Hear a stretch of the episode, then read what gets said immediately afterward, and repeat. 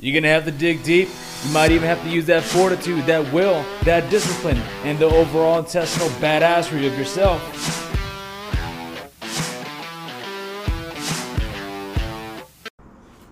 Alright, guys. Alright, tonight's episode, I kind of want to do a little bit of live video thing for you guys.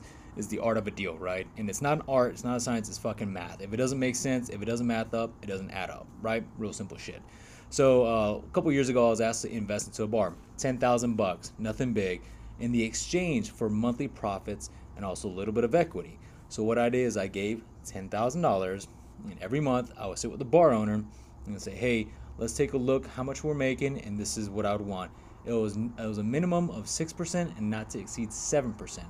That's what I was able to get. That's how I structured my deal for that specific bar. Okay. Come to find out, they couldn't pay me. They couldn't pay me what I invested, so they kept giving me more and more equity. So at that point, I became an invested owner. That's how some of the small business deals are done. On my specific deals, not everyone likes them, but at the same aspect, these are my deals. There you guys go. I hope that helps you guys out. Later.